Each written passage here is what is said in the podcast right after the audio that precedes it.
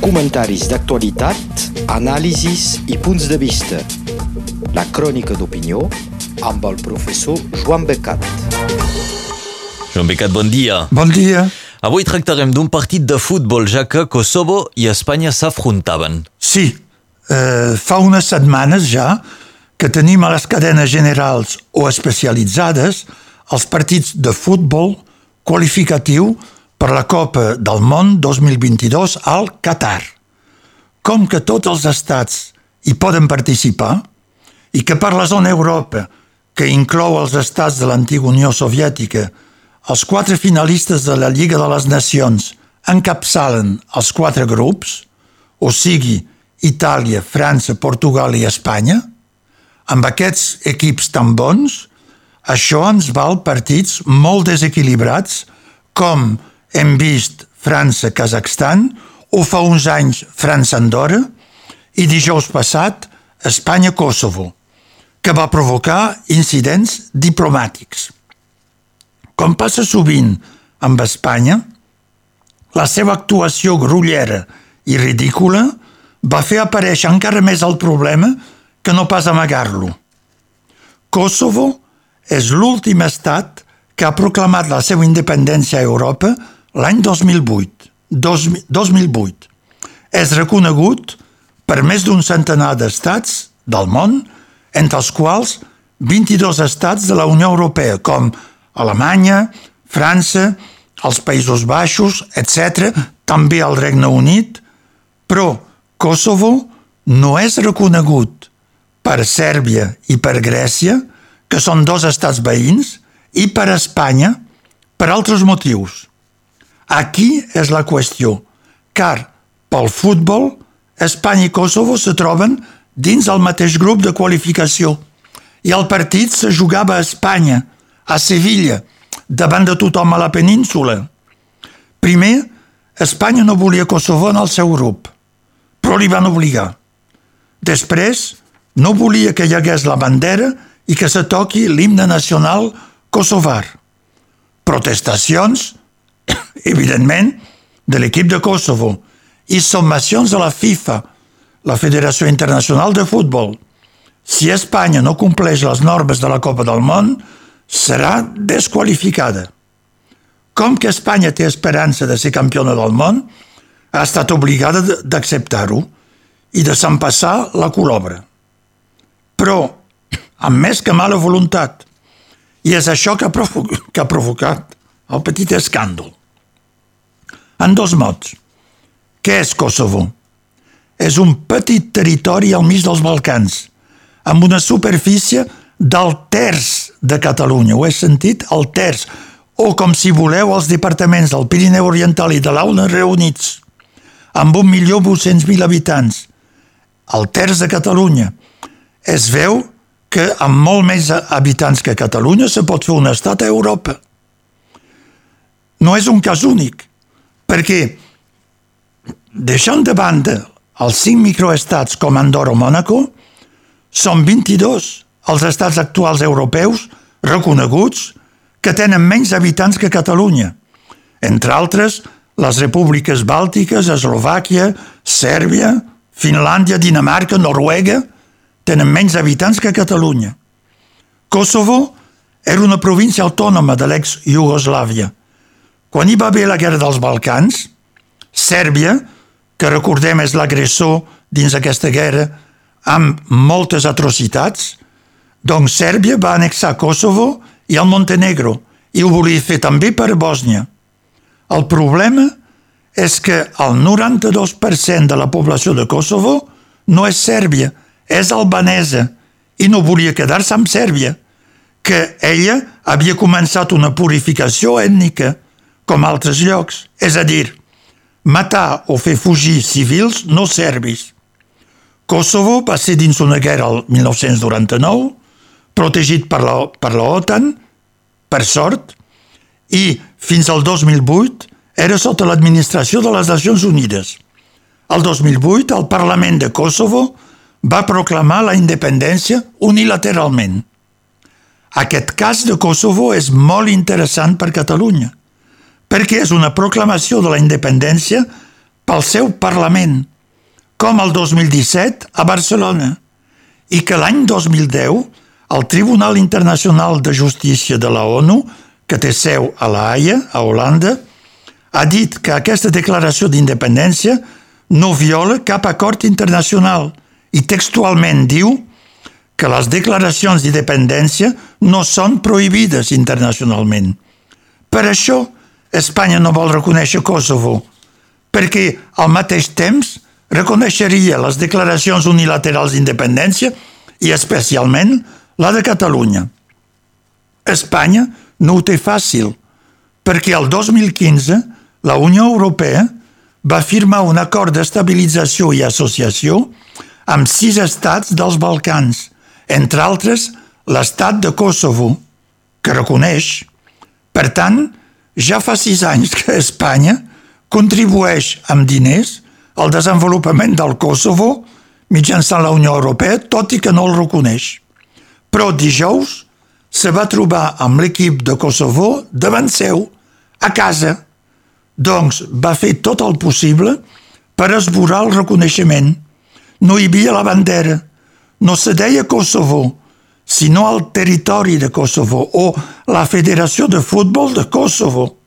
Amb ironia, aquesta federació kosovar va fer un tuit en anglès on deia, ja que era a Sevilla, volem jugar amb el territori de l'antiga Al-Àndalus, és a dir, el territori peninsular musulmà del segle VIII a XV que ha donat el nom Andalusia, on se jugava el partit.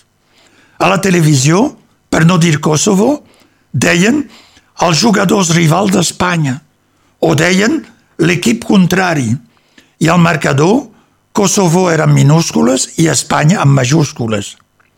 Era tan ridícul i encara més denigrant per Espanya que per Kosovo. Evidentment, Espanya va guanyar 3 a 1, però aquest partit perdut per Kosovo, com previst, és una gran victòria diplomàtica per Kosovo, per imposar-se a Espanya mateix i per posar moltes opinions d'Europa a favor. La cadena francesa Eurosport en va fer el seu títol. El canal Esport d'Alemanya ha criticat la posició espanyola, qualificant-la d'absurda i la retransmissió d'espectacle grotesc. Uns dies abans, l'eurodiputada catalana Clara Ponsatí, al Parlament Europeu, havia criticat la posició d'Espanya, precisament en un debat no sobre el futbol, sinó un debat sobre els Balcans. I ella va dir quin és el problema d'Espanya amb Kosovo. No és amb Kosovo, és a dir, la K, sinó amb la C, la C de Catalunya. I va dir clarament el problema d'Espanya no és Kosovo, és Catalunya. Clarament, clarament, i per això doncs aquesta situació molt curiosa Kosovo-Espanya, un partit que anava molt més enllà del futbol. I per això es diu Clara. Tornem a un altre fet d'actualitat. Reflexions ara a partir del nou blasó de la vila de Perpinyà. Sí, se'n parla molt últimament. El batlle de Perpinyà, Louis Alliot, del Rassemblement Nacional, ha fet públic el seu nou blasó per la vila. Ras i curt, no entrem en detalls, se tractava, sobretot, de treure l'expressió Perpinyà la catalana. Aquest era l'objectiu. Tot l'altre és per embolicar. Amb el nou eslògan Perpinyà la rayonnante, que no vol dir res, i per això se l'ha triat, hi ha dins l'escut un Sant Joan diferent de l'escut tradicional, cal ser modern, retromodern, per dir-ho així, les quatre vares i una franja exterior tricolor de la bandera francesa. S'ha posat en línia una petició contra aquesta iniciativa, que evidentment continuarà tant la petició com la iniciativa, com ha continuat el logo de la regió Occitània, que és una altra borricada, i altres coses desencertades, però que tenen una clara intenció política. Aquesta reacció necessària de, de les firmes m'ha fet recordar que quan als anys 90 a proposta d'unitat catalana, el batlle Joan Pau Alduí havia fet posar tot arreu Perpinyà la catalana, aquesta bilingüe, Perpinyà la catalana, bastants catalanistes, majoritàriament, havien criticat el nou logo car trobaven que la silueta del castellet era massa passeïsta o folclòrica. Vol dir que és sempre difícil fer un logo per Perpinyà i, i sortir-ne il·lès. Més que altra cosa, el nou blasó del batlle de Perpinyà, Louis Alliot, amb la bandera catalana envoltada de la bandera francesa, me fa pensar a l'època del govern de Vichy. Sí, sí, durant la guerra i un règim feixista. A l'època de la col·laboració i del mariscal Pétain, que deia la petite patrie dans la grande patrie. Doncs és exactament això, una bandera dins l'altra. I veig la mateixa línia, i veig la mateixa ideologia. El que més me sorprèn no és el blasó del senyor Alió, que podia ser pitjor entre nosaltres, sinó que després de la seva elecció, fa nou mesos, el nou batlle del Rassemblement Nacional no hagi pres més iniciatives com aquestes, o pitjor, per marcar territori, com ho va fer fa uns anys a Béziers Robert Ménard, on, durant els seus primers mesos, cada setmana multiplicava iniciatives i decisions espectaculars per dir, ep, jo sóc aquí. Doncs ell no ho ha fet. A Perpinyà, res, o poca cosa, com si Louis Allió se volia fer descuidar, com si volia tranquil·litzar tothom, com si volia dir, amb jo no passa res, i tenir la simpatia de la dreta, cosa que sembla que li ha reixit amb diversos batlles de l'aglomeració de Perpinyà Mediterrània. És, evidentment, aquesta la línia de la campanya de Marine Le Pen per les presidencials 2020-2022, on Perpinyà, la més gran ciutat controlada pel Rassemblement Nacional, serà un exemple de bona gestió, de pau social i política. Després de les eleccions presidencials, quedarà Louis Alió quatre anys per aplicar programes i marcar com cal la seva línia. La tàctica és la mateixa que el senyor Louis Alió ha aplicat per fer-se elegit diputat i després batlle de Perpinyà. No espantar la gent. Facilitar el vot de la gent de dreta cap a ell a la segona volta, ja que bastants hi són acostumats. I, sobretot, jugar sobre l'odi de molta gent d'esquerra contra Emmanuel Macron. Cal recordar, i ho diré sempre, que és l'esquerra qui ha donat aquests dos mandats a Louis Alliot. A la seva circumscripció de diputat de la Vall de la Glissa a l'Anca, són molts, efectivament, els vots de Mélenchon de la primera volta que en part van anar cap a ell i d'altres que van ser blancs o no van anar a votar Vol dir que el van ajudar també.